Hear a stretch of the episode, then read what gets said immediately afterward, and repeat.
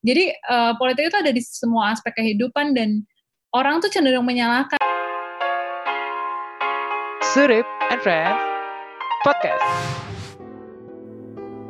Balik lagi di Surip and Friends Podcast. Kali ini seperti biasa aku nggak sendirian, ada wanita researcher di bidang politik dan international relation di Singapura, Anindya Dewanti. Ya, halo Kani.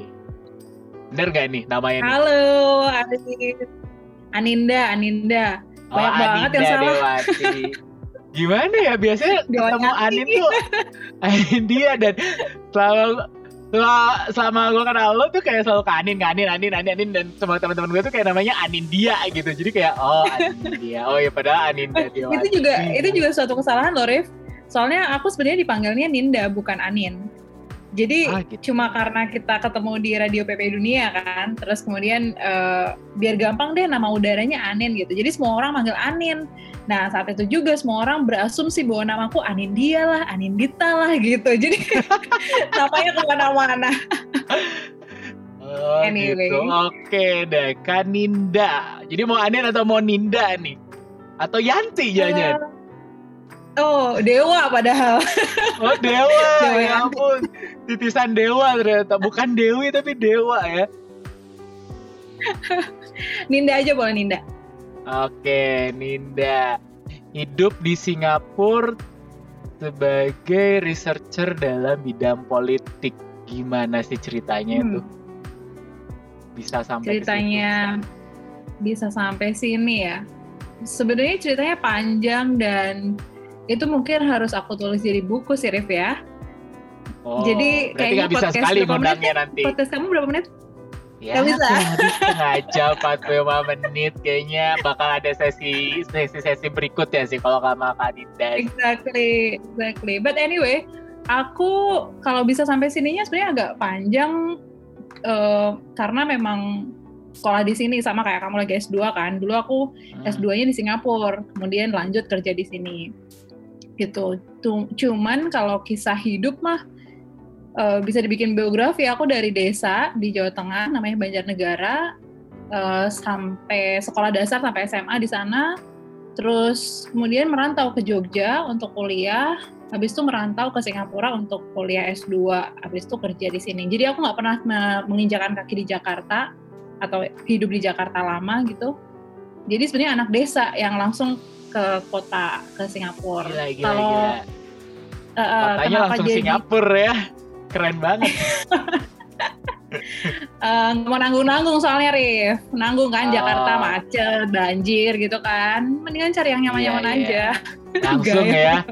Nggak bisa yang biasa-biasa gitu. Nggak mau mainstream gak bisa, langsung keluar negeri nggak bisa nggak bisa. Ngomong-ngomong udah hidup di Singapura seenak apa sih hidup di Singapura?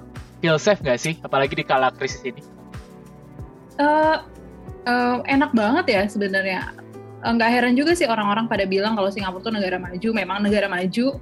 Bahkan aku tuh sempat dengar uh, cadangan uangnya Singapura itu bisa uh, mencukupi empat kali bencana. Jadi kalau Singapura kena bencana empat kali, mereka masih bisa uh, recover dari bencana itu empat kali dan orang-orang masih bisa bertahan hidup gitu loh tanpa harus ada income. Kalau kita kan tergantung ya, kalau Indonesia kan bergantung dengan ekonomi dan sebagainya gitu. Kalau Singapura enggak, mereka cadangan uangnya itu cukup untuk merecover negaranya sampai empat kali bencana mengalami bencana. Jadi dari situ aja kita udah bisa lihat bagaimana majunya, kemudian ekonominya maju, transportasi maju, aman banget, tingkat kriminalitas rendah, ya kayak gitu sih sebenarnya enak banget ya semuanya sistematis, struktur. Kalau kamu sering ke Belanda, uh, menurutku Singapura tuh mirip, mirip kayak Belanda sih. Ah oke, okay. ke Belanda baru sekali karena mahal. Mungkin Kak Cui yang merasakan itu kali ya. Teman kita yang satu itu di sana. nah, aku juga walaupun di Hungari ya, ya dalam tanda kutip kayak gini gitu ya negaranya, well feel safe sih dengan segala kebijakannya walaupun ya agak-agak hmm.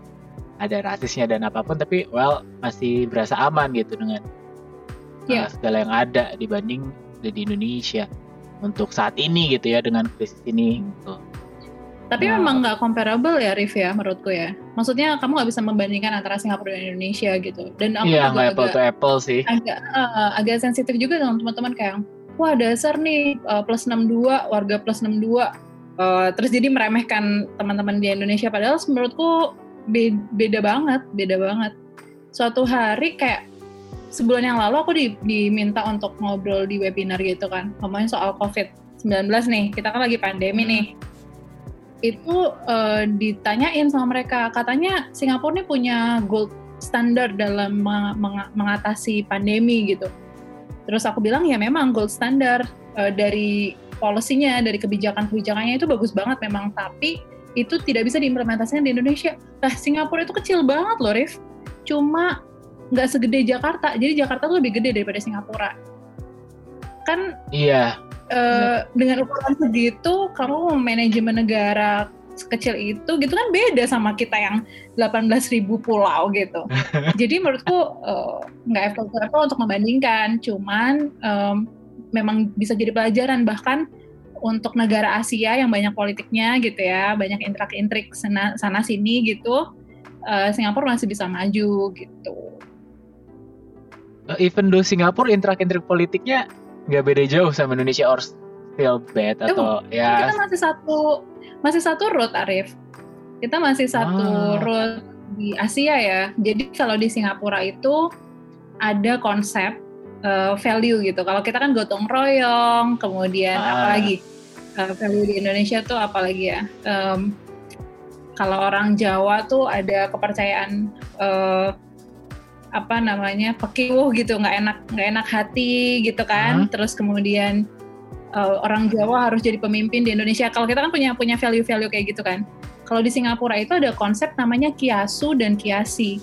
Jadi kiasu itu takut kalah kiasi itu takut mati nah itu alasan kenapa orang-orang di sini kompetitif banget pendidikannya bagus banget itu karena mereka setiap hari tuh di di apa ya di surrounded dengan pikiran bahwa oh aku nggak boleh kalah nih, aku nggak boleh mati, aku harus bisa bertahan hidup gitu-gitu loh. Jadi konsep-konsep kayak gitu tuh yang yang membuat eh, orang-orang Singapura tuh jadi kayak lebih kompetitif, lebih kuat gitu. Dan sama-sama di Asia, di sini juga makanya kan di sini partainya yang paling kuat cuma satu, cuma partai PAP kan. Karena Hmm. kalau ada partai lain, mereka bakal kompetisi sampai mati deh pokoknya.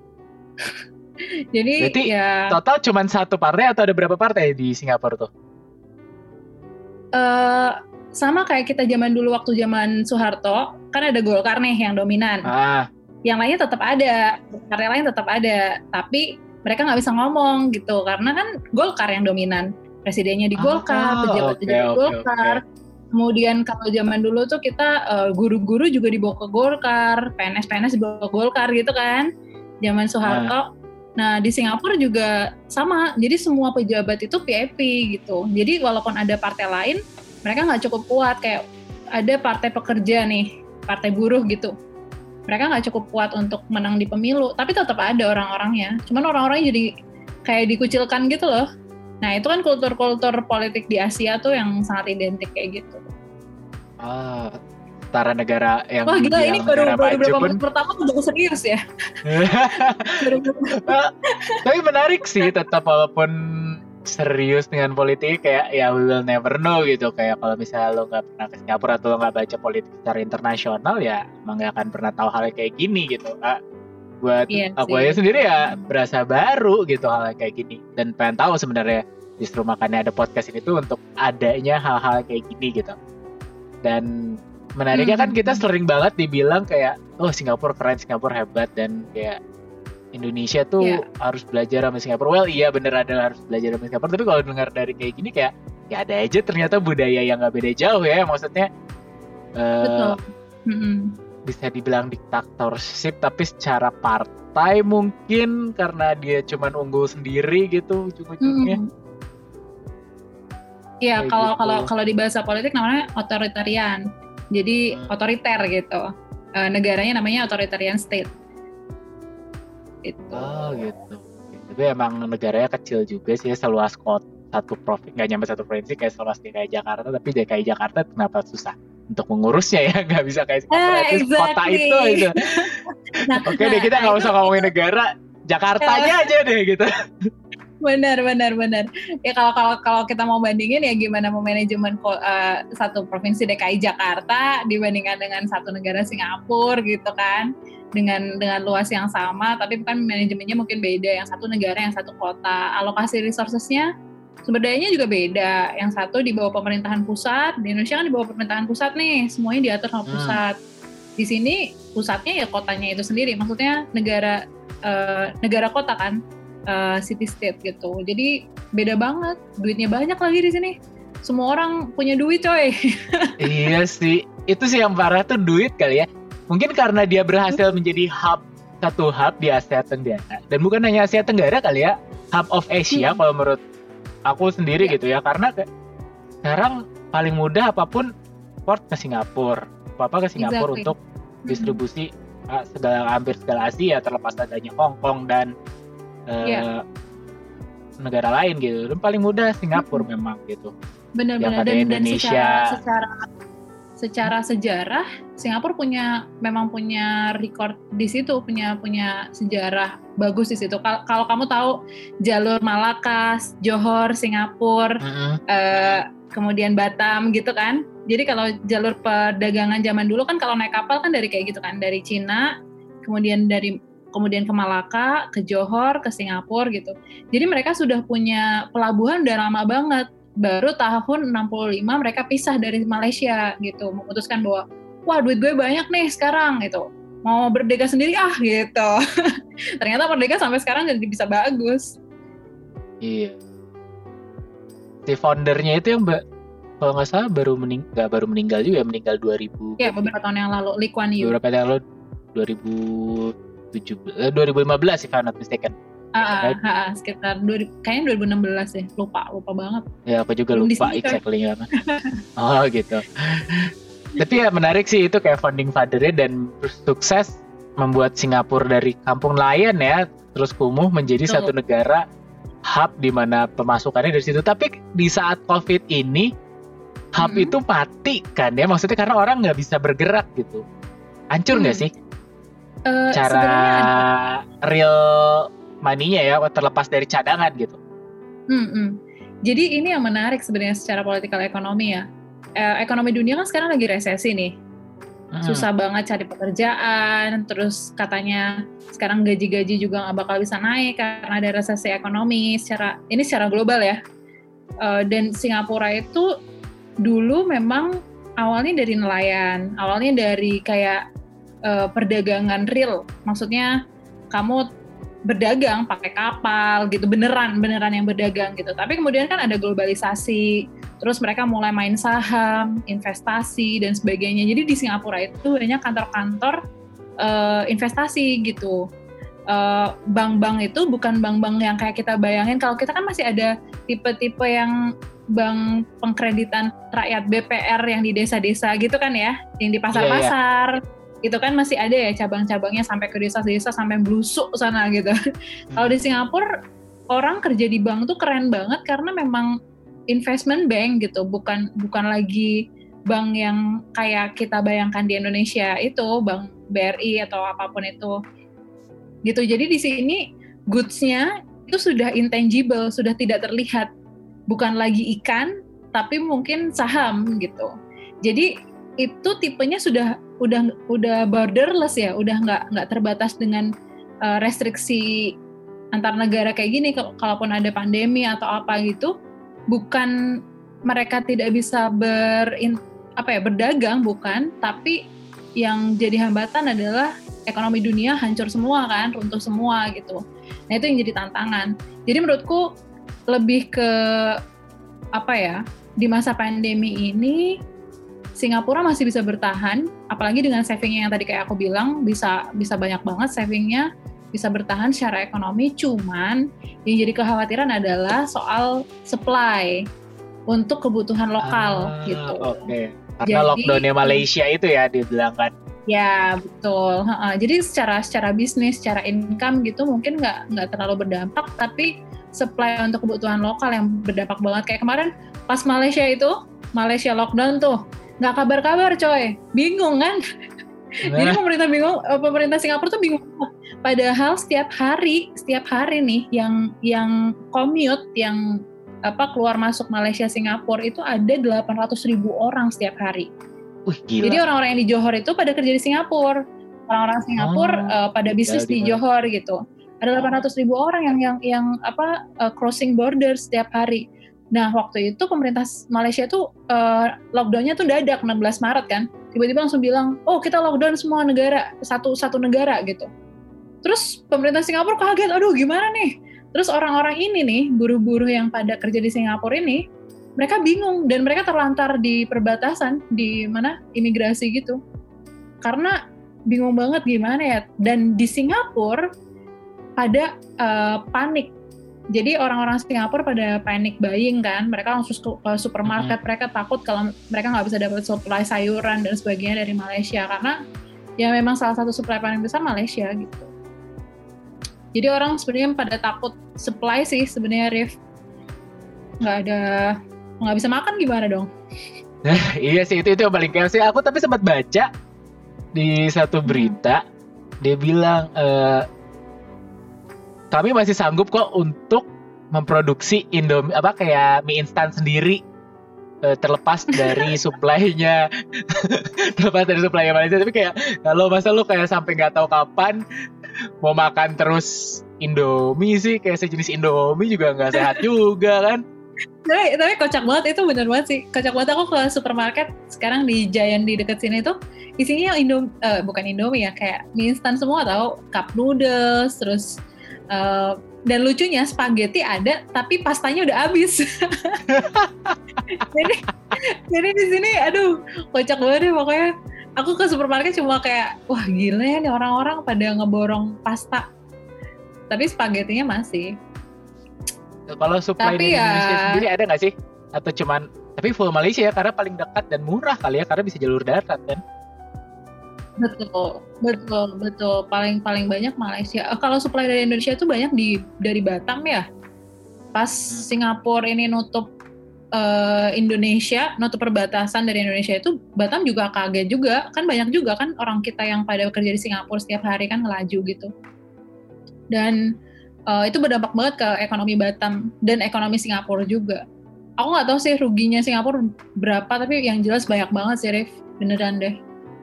Secara ekonomi ini pandemi ini ngeruntuhin semuanya sih. Karena tulang punggung banget kan dia sebagai hub tuh kan. Mm-mm, Terus per iya, tanggal iya, berapa benar. SQ juga dia nge-stop penerbangan kan? Betul, betul. Sekarang semua penerbangan udah nggak boleh, udah nggak ada orang tuh di uh, Jewel di airport. Canggih sepi ya, padahal itu kalau lo kalau lo stranded di Canggih udahlah tenang gitu kan kayaknya.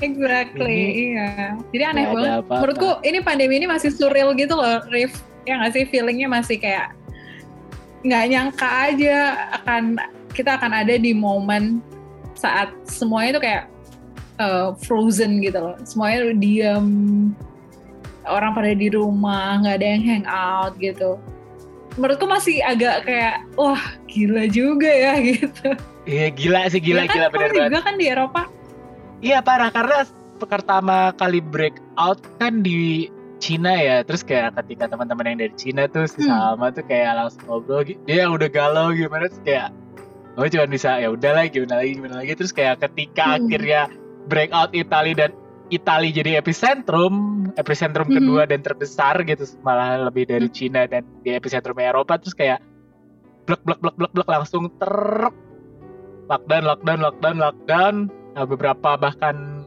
kayak Spain sama si Italia itu force quarantine hmm. warganya Hungari nggak nyampe sih dia cuma sampai curfew restriction aja terus kayak wah itu kayak besoknya mau bimbingan dan langsung dinyatain sorenya sore eh, satu pas hari itu tuh sore dinyatakan curfew restriction semuanya nggak boleh semua tutup segala macam kayak dan gue harus gimana hmm. nih? Kayak hidup gue gimana ke iya, kan? depan? Kan? bingung gitu loh tiba-tiba langsung kayak uh, uh, gimana ya? Permit gue gimana, gimana ya? nasib kuliah gue gimana? Anjir pening banget ya yeah, exactly. itu di Indonesia Cuman, masih uh, cekakak cekikik gitu dan masih kasih stimulus. Ayo orang datang dong ke Indonesia kita bebas corona ya. Bebas corona. Lu tapi lu nggak datengin orang yang bercorona jangan-jangan kan Terus Dan itu agak worrying sih sebagai aku yang aku sekarang setiap hari juga dealing dengan itu, Rif. Uh, dealing dengan semua bad news yang ada di Indonesia kan. sebagai peneliti, kok nggak mau? tapi unik loh ketika kamu kan kan ini apa ya beriset tapi di politik di mana kalau menurut aku tuh bahkan kebijakan-kebijakan yang ada di Indonesia karena aku pernah menjadi satu konsultan salah satu kementerian untuk membuat satu kebijakan ya Hmm. dan kayak Ya. ini harus jadi dalam waktu satu tahun Da- eh, time frame satu tahun di mana waktu pengerjaan itu tidak satu tahun bahkan sekitar enam bulan lah karena kan kepotong tender dan segala macam kayak Hmm. are you serius kayak ini tuh nggak mungkin gitu secara time frame dengan harus ada ini dan ini dan ini kayak "Ya udah yang penting ini gini-gini kayak asal-asalan gitu loh akhirnya tuh mengejar asal-asalan ya udah yang penting ada dulu kayak ya Allah Hmm. jiwa idealis gue nih ke mana terus kayak ini tuh ngaco Hmm. gitu kenapa tidak didasarkan kebijakan dengan satu riset yang mumpuni gitu loh dalam Hmm. bahkan udah jelas ada ketika pembuatan kan ada naskah akademik dan segala macam ya belum menjadi Ya, ya, undang-undang benar. ataupun perpu itu tapi kayak naskah akademiknya tuh kayak ya formalitas lah atau apa aku sendiri nggak ngerti kalau menurut Kak Ninda sendiri gimana sih Em, soal formali, eh, soal ini ya formulasi kebijakan ya. Kalau Hmm. menurutku agak beda ya peranku peranku sebagai peneliti politik itu agak beda, malah beda jauh sebenarnya sama perannya peneliti di konsultansi gitu. Karena gini eh, di orang yang membuat kebijakan itu kan banyak banget ya sebenarnya ya. Elemennya banyak, Banyak. banget dari eksekutif nih, dari lembaga eksekutif, uh, pemerintah, pemerintah di dalam pemerintahan itu di dalam kementerian mereka punya uh, lembaga penelitian dan pengembangan sendiri kan, litbang sendiri. Jadi naskah akademik juga mereka bisa proses dari situ dan sebagainya. Terus kalau mereka pakai vendor nih kayak kamu tuh, kamu kan pernah involve di konsultan gitu kan? Ah, Mereka pakai ve- vendor, uh, manggil konsultan untuk ngerjain uh, satu apa wacana kebijakan. Jadi mereka bakal kasih nih, eh nih uh, coba kamu kaji ini possible nggak untuk dilakukan kebijakan ini. Nah nanti vendornya ini bakal bakal me- mengkaji itu dan melihat apakah itu possible apa enggak. Itu yang kamu lakukan ya Rivia di, di konsultansi lembaga konsultansi. Nah setelah itu dikembalikan ke pemerintah lagi. Nah di pemerintah ini kadang-kadang banyak pertimbangan gitu loh. Walaupun konsultannya udah ngomong aneh gitu kan, pertimbangannya A B C nih Pak gitu. Bisa-bisa pemerintah ini mang- ngambilnya ngambil D nih alternatif yang lain. Nah, alasannya bisa banyak banget. Ada alasan politik, di dalamnya misalnya ada keterlibatan orang-orang yang berkepentingan gitu kan, atau ada pertimbangan lain dari dari konsultan yang lain. Biasanya kan pemerintah manggil nggak cuma satu konsultan kan, ya benar gitu. Kalau kalau peranku sendiri agak beda karena aku meneliti sesuatu yang sudah terjadi. Aku agak mirip dengan akademisi di universitas sebetulnya. Hmm. Jadi orang di universitas kan kita kita kami tidak terbiasa untuk memprediksi kan. Lebih terbiasa untuk mengkaji. Jadi sesuatu yang sudah terjadi dikaji nih seperti apa. Nah, dari situ kita ambil moral value-nya apa sih? Moral lesson-nya apa sih? Jadi akademisi itu sebenarnya tidak tidak berfungsi untuk memprediksi sesuatu yang di depan.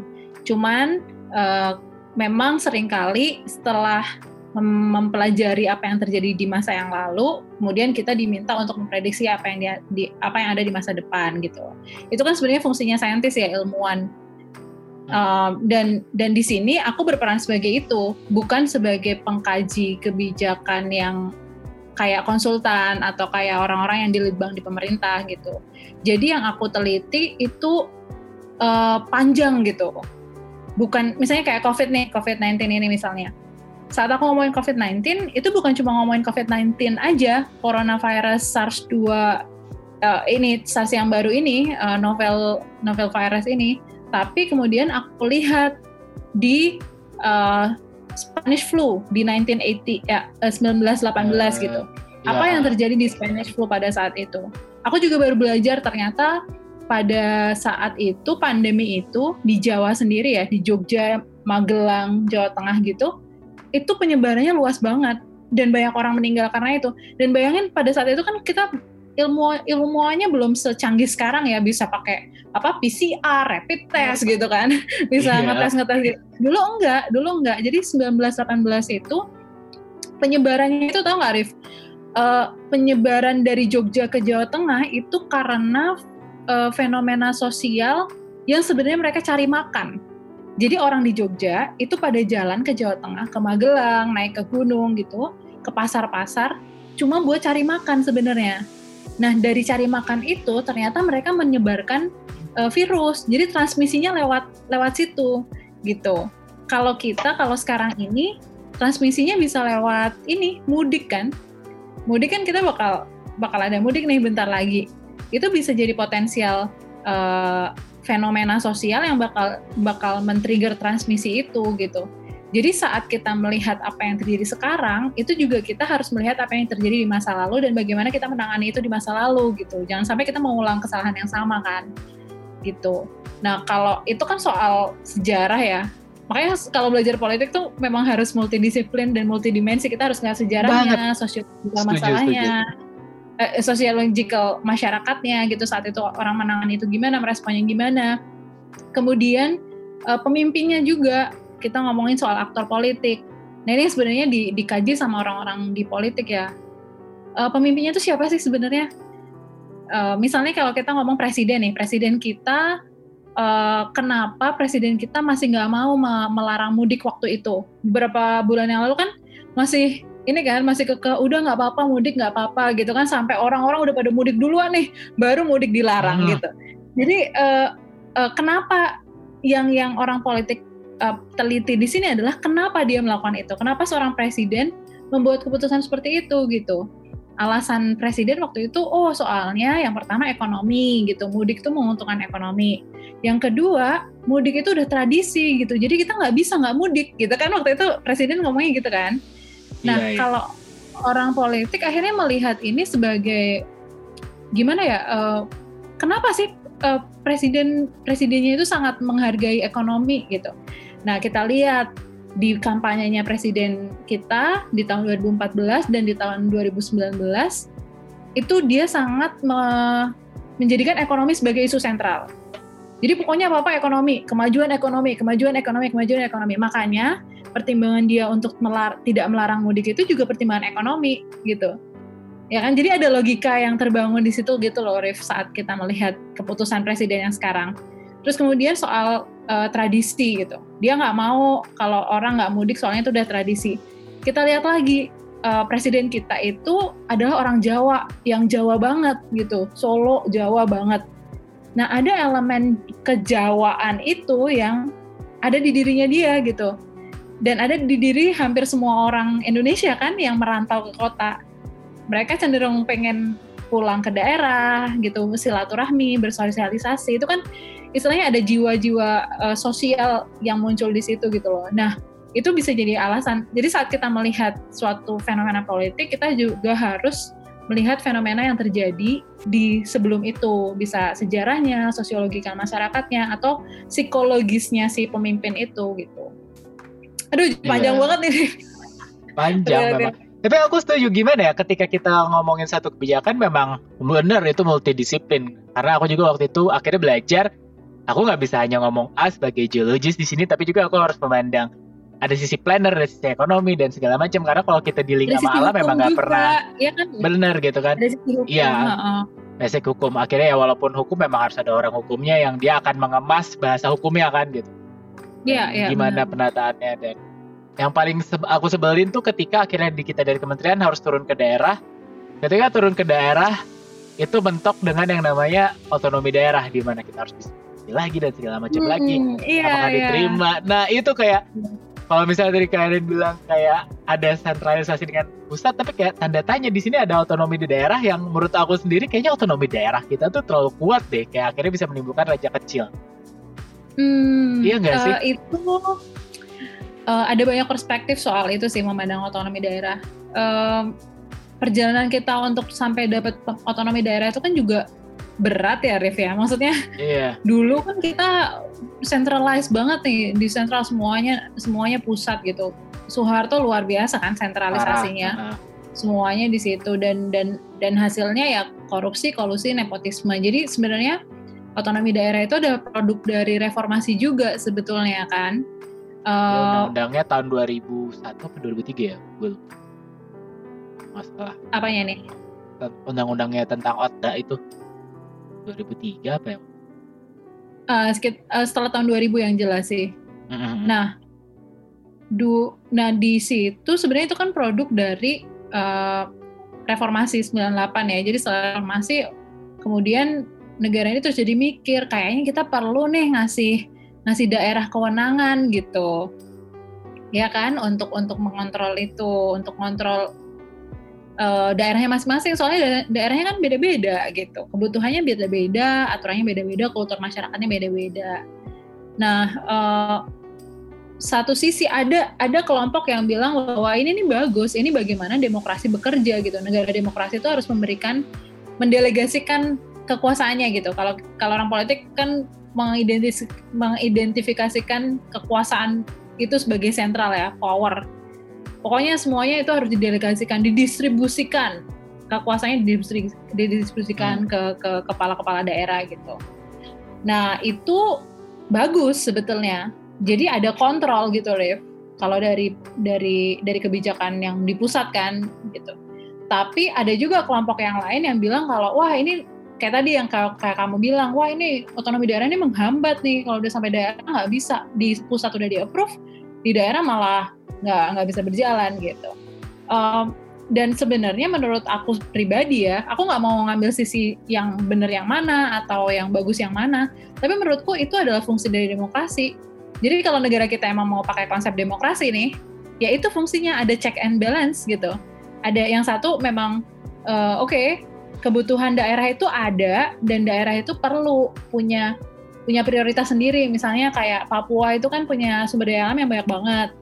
Hmm. Nah, cara mereka ngontrol tuh gimana ya mereka yang tahu sebetulnya gitu. Nggak bisa dari Jakarta itu ngelihat, eh, oh di sana sumber daya alamnya banyak, kita aja yang ngontrol gitu. Menurutku itu nggak nggak nggak bijak gitu loh. Nggak Tapi fair juga sih bener.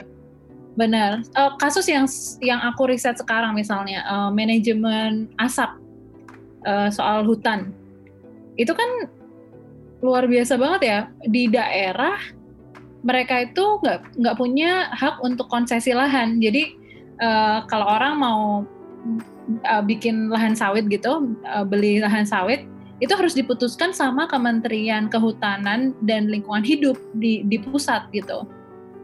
Itu sejak eh, ada ada otonomi daerah dan juga oke jadi setelah otonomi daerah itu daerah dikasih ke- kewenangan untuk oke daerah boleh approve nih konsesi lahan gitu jadi lahannya boleh dibebaskan semuanya ternyata di situ ada korupsi jadi kepala daerah itu deal-dealan tuh sama sama perusahaan-perusahaan besar kan nih eh, buat kamu nih lahan buat kamu bayangin aja hutannya pada ditebang buat ini buat raja-raja eh, di Daerah. daerah, itu Mm-mm. sampai di Tapi aku ngelihat 2000. Sendiri sih Hmm. waktu itu ketika aku di Kalimantan, itu di salah Hmm. satu di Kalimantan Selatan di salah satu daerah. Kan kalau di mana tambang itu approvalnya by provinsi ya, bu- eh, bukan Iya. lagi kabupaten atau di wilayah tingkat dua gitu, udah ada di provinsi Hmm. gitu. Hmm. Terus ya provinsi itu relatif kaya. Tapi yang lucunya tuh satu camat. Jadi di kecamatan itu lahan tambangnya ada di situ gitu. Nah, dia Iya. eh, dia itu kayak la- langsung kaya banget dengan mobil yang mewah, kayak Pajero. yang satu lagi tuh nggak punya tambang, tapi cuman kayak lahan sawit transmigran dan camatnya tuh pakai motor Astrea 800 gitu yang Mhm. jadul banget kayak jomplang banget sih itu parah sampai bisa sebegitunya. Ya walau alam ya gue nggak tahu itu duit apa gitu ya semoga aja duit bener gitu karena memang dia udah punya tabungan atau apalah gitu. Jadi kayak ya who knows lah dengan asumsi-asumsi segala Betul. macam kan terlihat seperti itu gitu Dan itu alasannya kenapa tahun 2014 tuh direvisi undang-undangnya dan ditarik ke pusat lagi. Jadi sekarang konsesi lahan itu diputuskan oleh kementerian di pusat gitu. Jadi daerah nggak ada nggak ada kewenangan untuk ngasih ngasih konsesi lahan gitu. Tapi itu akhirnya jadi mentok saat kita kepentok sama Kristis gitu. oke kalau soal manajemen kehutanan ya uh, di Jakarta tahu lah mana yang benar pakai GIS lah apalah dipetakan sebagainya gitu. Tapi saat ada asap bayangin ya Dev ya. Saat muncul asap asap itu kan bukan kayak pohon yang diem di tempat kan? Asap tuh kan ya, menyebar kan gitu. Dia move nah, by wind kan? Exactly saat ada asap yang harus menghadapi siapa? Bukan di Jakarta tapi di daerah. Gitu ya kan? Dan bahkan nyebrang ke negara Jakarta. tetangga gitu kan exactly. kayak Ninda ya kan dan saat saat saat si dari Jakarta ini approve gitu, uh, Jakarta ini menyetujui ada konsesi lahan di situ, lahan sawit dan sebagainya sebagainya, lahan gambut, pembakaran macam-macam. Kemudian Jakarta ini nggak ngira akan ada bencana seperti itu. Itu kayak di luar di luar ini di luar apa ya?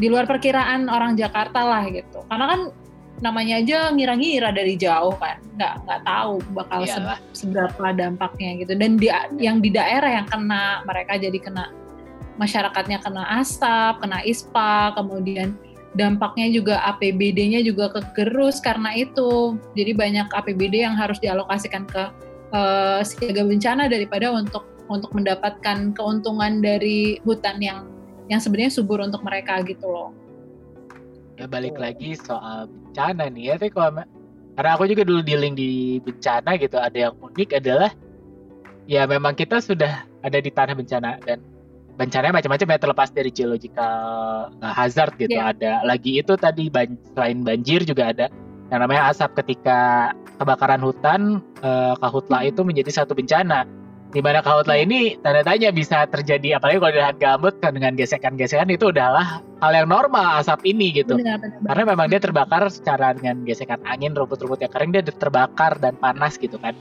Tapi ini yeah. sekarang adalah dibakar. Dan ternyata itu juga bagian dari local wisdom mereka untuk membakar lahan karena itu akan subur. Nah di situ juga menjadi sulit gitu kan.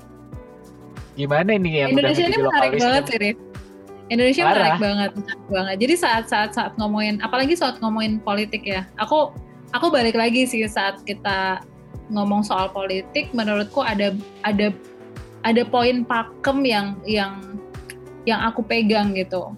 Yang pertama sebenarnya politik itu seru banget dan ada di di segala aspek kehidupan kita. Uh, saat sekarang nih misalnya kamu minta aku untuk uh, ngajakin aku untuk main uh, ngomong di podcast gitu kan. Kamu kan sedang berpolitik nih. Eh Nin uh, main ke podcast kok yuk biar rame? Atau malah biar sepi? Malah biar nggak ada yang dengerin gitu. Bosan soalnya ngomong politik kan. Jadi uh, politik itu ada di semua aspek kehidupan dan orang tuh cenderung menyalahkan gitu loh Rif yang aku yang aku agak concern ya.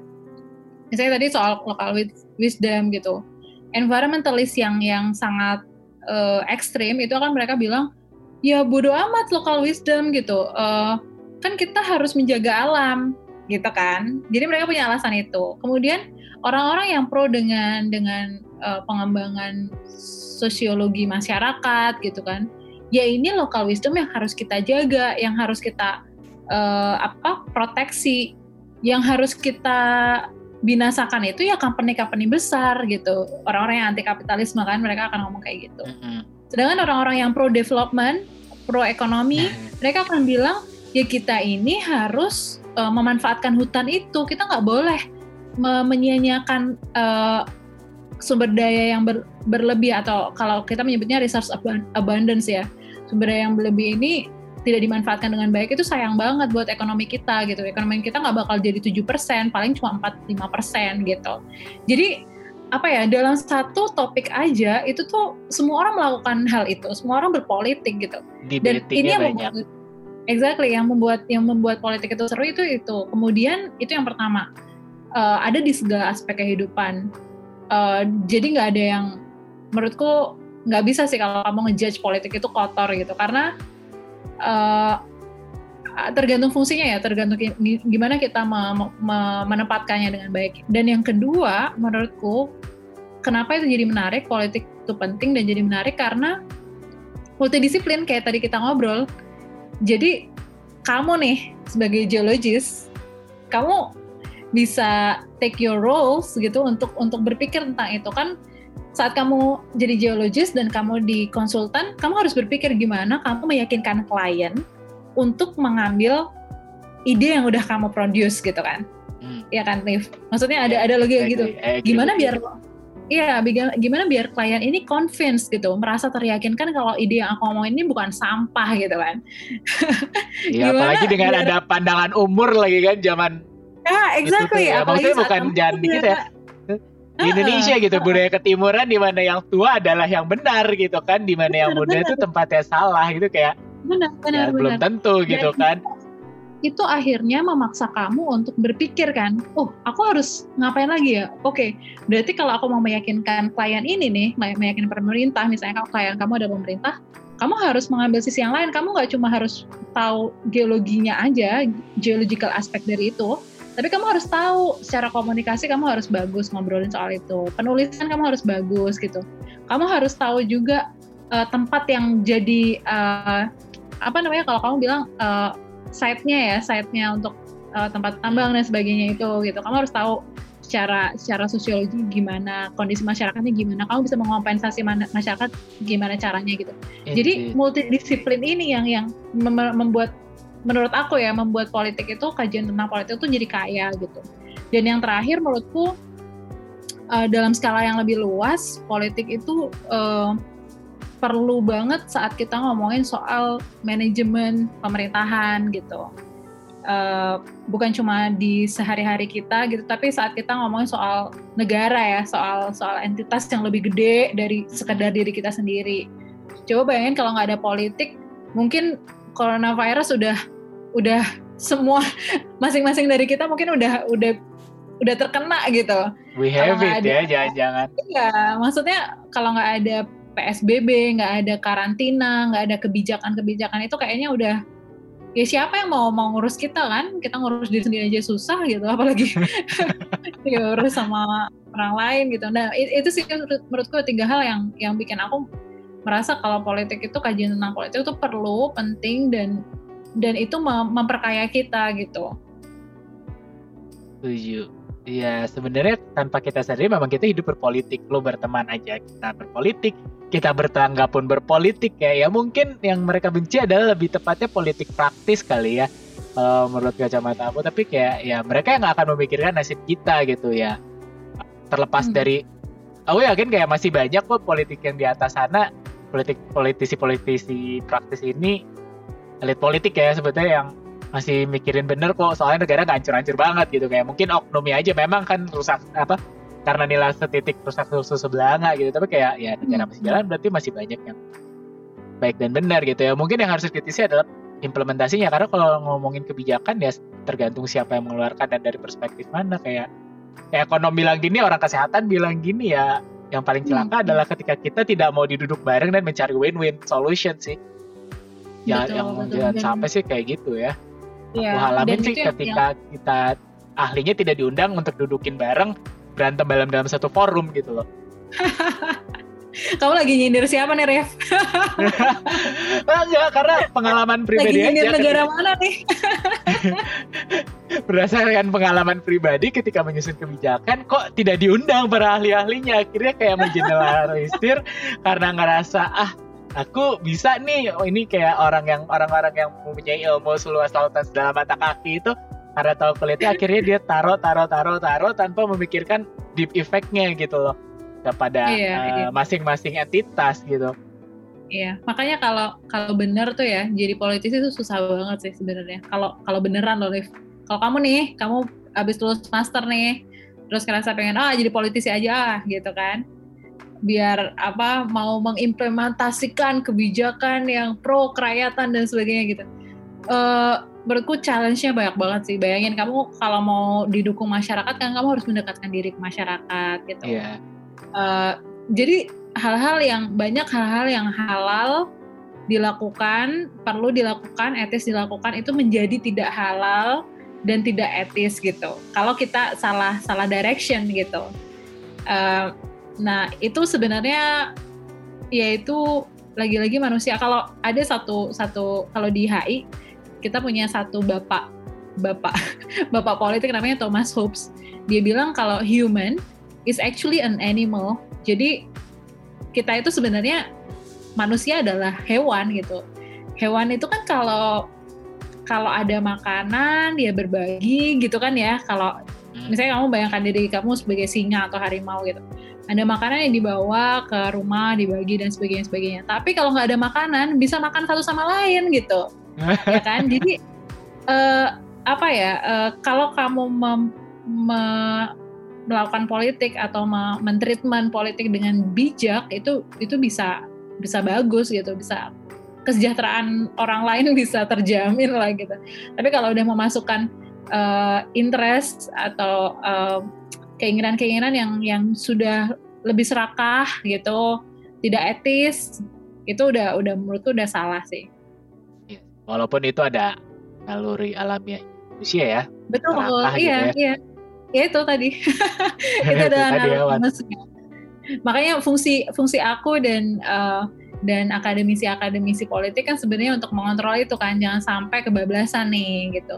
Dan dan sebenarnya uh, fungsi masyarakat sipil juga kalau di di negara-negara demokrasi fungsi masyarakat sipil tuh kuat banget untuk untuk mengontrol itu gitu ya demo-demo di Indonesia gitu ya itu wah luar biasa sih aku aku bangga bangga dengan demo actually.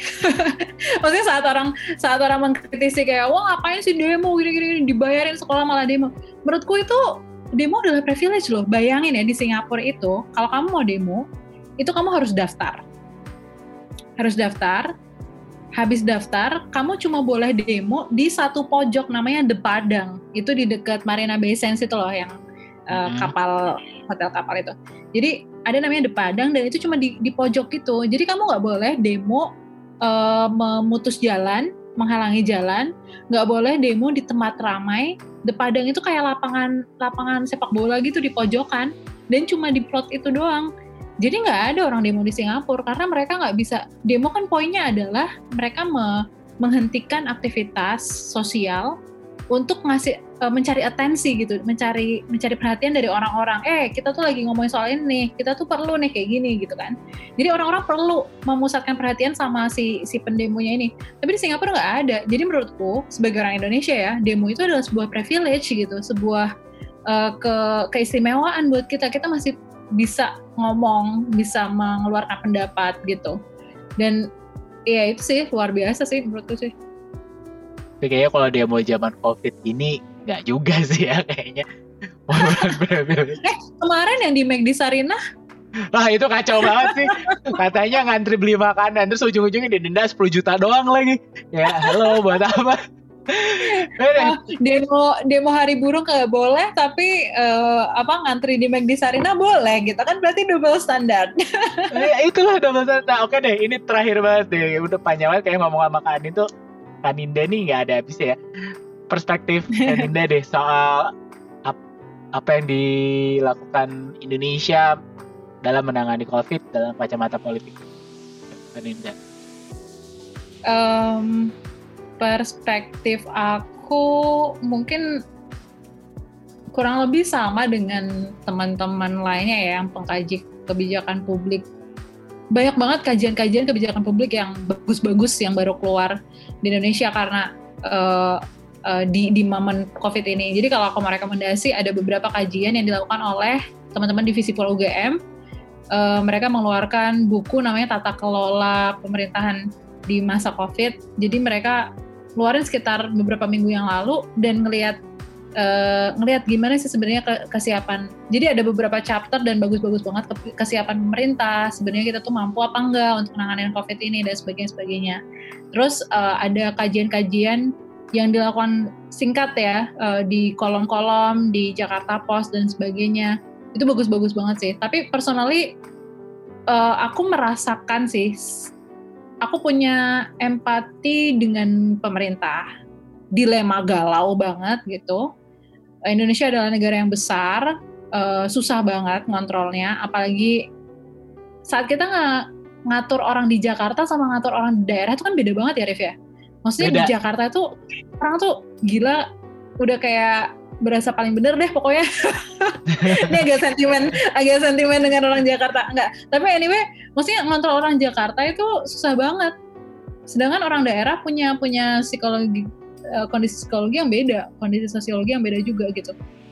Jadi saat uh, saat ini pemerintah itu sedang dihadapkan dengan dua uh, dilema gitu. Yang satu public health, kesehatan masyarakat, dan di sisi lain ekonomi gitu.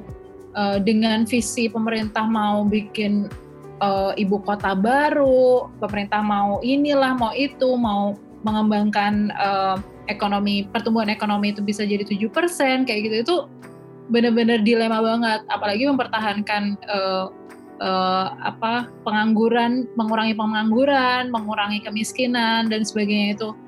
Uh, di satu sisi pemerintah punya prioritas itu uh, di sisi lain uh, kesehatan masyarakat ini benar-benar jadi spotlight kan sekarang ya maksudnya yeah. uh, banyak pertanyaan yang muncul ketika ngomongin soal COVID ini, mana uh, ahli yang ada di samping presiden gitu. Kayak tadi kamu bilang kan, pemerintah tidak melibatkan ahlinya, expert gitu untuk ngomongin soal COVID. Kita nggak lihat tuh ada ahli yang mendampingi presiden saat ngomongin soal uh, pandemi ini gitu. Nggak ada epidemiologis yang yang yang jadi tempat konsultasi gitu. Kalau misalnya kita kita berefleksi sama Trump kan Trump selalu punya ada satu orang yang uh, epidemiolog yang yang memang uh, ngomong kalau kalau soal epideminya pandeminya dia yang akan ngomong. Tapi soal kebijakannya Trump akan ngomong itu jadi seburuk-buruknya Trump Trump masih punya itu. Tapi di negara kita uh, sayangnya kita nggak melihat ada itu. Mungkin ada menteri kesehatan tapi sepertinya menteri kesehatannya sudah kita sudah kehilangan kepercayaan pada menteri kesehatan. Iya. uh, uh, itu agak uh, gila sih? dia menurut aku. Ya terlepas exactly. dia dari dokter yang oke okay lah dengan karyanya ya walaupun juga fenomenal gitu ya dia bermasalah dengan ide akhirnya dia menjadi menteri. Tapi di menteri kesehatan tuh menurut aku kayak perlunya adalah seorang public health bukan seorang hmm. dokter sih. Karena itu dua tugas yang berbeda kan? Benar benar benar benar. Uh, ya itu secara prioritas kalau menurut aku uh, pemerintah uh, dilema di situ. Dan aku bisa paham kenapa pemerintah uh, torn ya uh, ada ada di tengah-tengah itu gitu. Cuman ini menurutku tinggal prioritas aja sih. Pemerintah memprioritaskan kes keamanan individu, keamanan manusianya, kesehatan masyarakatnya atau uh, nanti dulu deh. Ekonominya nanti dulu. Kira-kira prioritas kesehatan masyarakat atau pemerintah just like business as usual. Ada yang percaya dengan herd immunity immunity. Kamu pernah dengar kan? Yang orang yeah, percaya tahu. bahwa uh, ya udahlah semuanya paling bisa terinfeksi gitu. Kalau kalau pemerintah percaya dengan itu wah itu udah sangat disaster sih. Tapi ya kita harus sadar bahwa pemerintah menghadapi dua hal ini. Terus yang kedua uh, di Indonesia sebenarnya masalah yang paling utama dan aku agak concern adalah soal komunikasi publik gitu. Uh, politik itu kan sebenarnya bisa dilakukan dengan komunikasi ya. Kagak bisa lah kamu berpolitik kalau nggak nggak menyampaikan sesuatu gitu. Nah sayangnya yang keluar dari uh, para para pemimpin itu cenderung um, bukan misleading sih tapi eh, nggak uh, serius gitu. Kalau kita ngomongin soal aku nggak tahu di Hungari ya tapi di di negara-negara lain kalau kita ngeliat berita gitu kan selalu ada uh, pemimpin pemerintahannya entah itu presiden atau perdana menteri kemudian di belakangnya ada menteri-menterinya sama ahli-ahlinya gitu kan bersiap untuk menjawab pertanyaan yang diajukan oleh pers gitu uh, sedangkan di kita uh, gimana nih satu hari uh, wakil presidennya bilang, oh kita pakai doa kunut aja biar hilang, kita minum susu uh, susu kuda liar aja biar biar aman gitu kan. Uh, di sisi yang lain di, di hari yang lain presidennya bilang udah kita tuh harus berdamai dengan coronavirus gitu. Kita tidak harus sabar dan harus kuat dan sebagainya gitu. Aku nggak tahu apakah itu memang betul hal-hal yang dibutuhkan oleh oleh masyarakat gitu. Kalau kalau dari psikologi aku ya sebagai orang yang tinggal di Singapura kenapa aku percaya dengan Singapura dan kenapa orang-orang di Singapura percaya dengan uh, pemerintahnya karena mereka muncul dengan data Rif um, jadi mereka langsung muncul dengan data oh ini nih nomornya uh, jumlahnya segini uh, solusinya seperti ini kemudian dari risetnya seperti ini kita langsung muncul dengan scientific data, ada epidemiologis yang terlibat dan sebagainya. Jadi mau mau menyangkal gimana lagi orang udah udah nah, kelihatan. Argumennya sangat... kuat kan akhirnya iya, ketika exactly. riset itu datang untuk mendukung satu kebijakan gitu. Benar, benar, ha, ha, ha. Dan uh, apa saat saat mengkomunikasikan ke masyarakat memang pakai caranya itu pakai aku tahu Jokowi ngomong berdamai sabar dan sebagainya. Itu adalah uh, cara-cara pemimpin untuk ngomong secara psikologis ya. Kayak udah tenang hmm. dong jangan terlalu panik gitu. Memang benar uh, sama juga dengan orang uh, pemerintah Singapura juga. Perdana menteri juga ngomong kayak gitu juga. Cuman basisnya itu data dulu. Oh kita tuh transmisinya dari sini sini sini gitu. Di Indonesia kita tuh nggak tahu loh first case-nya itu sebenarnya ada di mana ya kan? Kayak eh zero yeah. uh, case zero ya. Kalau first case-nya yeah. kan iya, yang tanggal Pas, 2 Maret. Case zero pasien zero-nya tuh kita nggak pernah tahu di mana. Ya kita taunya benar, uh. case zero benar. Patient zero-nya we will never itu kan know. kan jadi, jadi kita jadi kayak oh, gimana kita bisa percaya sama pemerintah? Apalagi sekarang ngomongin soal data datanya nggak jelas uh, testingnya kurang dan sebagainya sebagainya itu. Jadi menurutku itu sebenarnya hal-hal yang kayak gitu bisa dikomunikasikan ke publik gitu. Walaupun uh, pemerintah tidak punya kapasitas yang cukup kuat untuk itu sebenarnya bisa dikomunikasikan ke publik. Cuman aku pikir uh, pemerintah agak terlalu banyak kepentingan politik yang yang ada di sana di atas sana jadi agak lupa dengan dengan elemen itu sih gitu. Dan uh, nanti mungkin itu akan berpengaruh juga ke nantinya ya uh, ke hubungan antar negara sih gitu. Aku nggak tahu apakah Indonesia hmm, atau atau sebenarnya kata lainnya sebenarnya apakah negara-negara lain mau membuka bordernya untuk Indonesia aku aku sanksi sih sebenarnya uh, walaupun mungkin nanti Hungaria atau uh, Singapura udah udah selesai ya dengan dengan COVID misalnya udah kurvanya udah menurun dan sebagainya sebagainya aku nggak yakin aku bisa pulang sih. ya kalau kita pulang kita bisa balik lagi apa enggak kan? Pertanyaan jadi gitu kan. Mungkin bisa pulang ke Indonesia tapi nggak bisa balik ke sini balik ya lagi kan? ya. Itu sih uh, jadi uh, uh, jadi makanya makanya kayaknya kepercayaan negara lain ke Indonesia juga mungkin kalau ini terus berlanjut terus kayak gini terus mungkin akan berkurang sih. Terutama ASEAN ya kalau Indonesia kan memainkan penting peran di ASEAN. Tapi ya semoga it's getting better I hope the Hopefully. apa kurvanya kurvanya semoga semoga melandai dan kita bisa cepat pulang. dan bisa balik lagi. dan bisa balik lagi. Eh, kamu balik lagi, Re? well, ya let's see lah. Aku masih pengen mencari pengalaman juga di luar. Tapi ya memang itu ya kalau misalnya kita balik lagi ngobrol data, ego antar sektor lah, ego antar kementerian dalam beradu data apa ya memegang data tuh kayak oh jadi akhirnya kadang ada dua data yang bisa beda ada untuk satu hal tapi itu panjang lagi lah kayaknya memang segini dulu ngobrol sama Kak Dinda nanti kita bakal lanjut lagi cari sesi selanjutnya lagi deh karena nggak cukup ini udah mau hampir sejam kita ngomong dan kayak masih banyak banget yang pengen didiskusin sama lo kak. Oke deh segitu okay. dulu, thank you banget buat waktunya Sama-sama. so. Listener nanti tetap balik lagi di Surip and Friends podcast selanjutnya.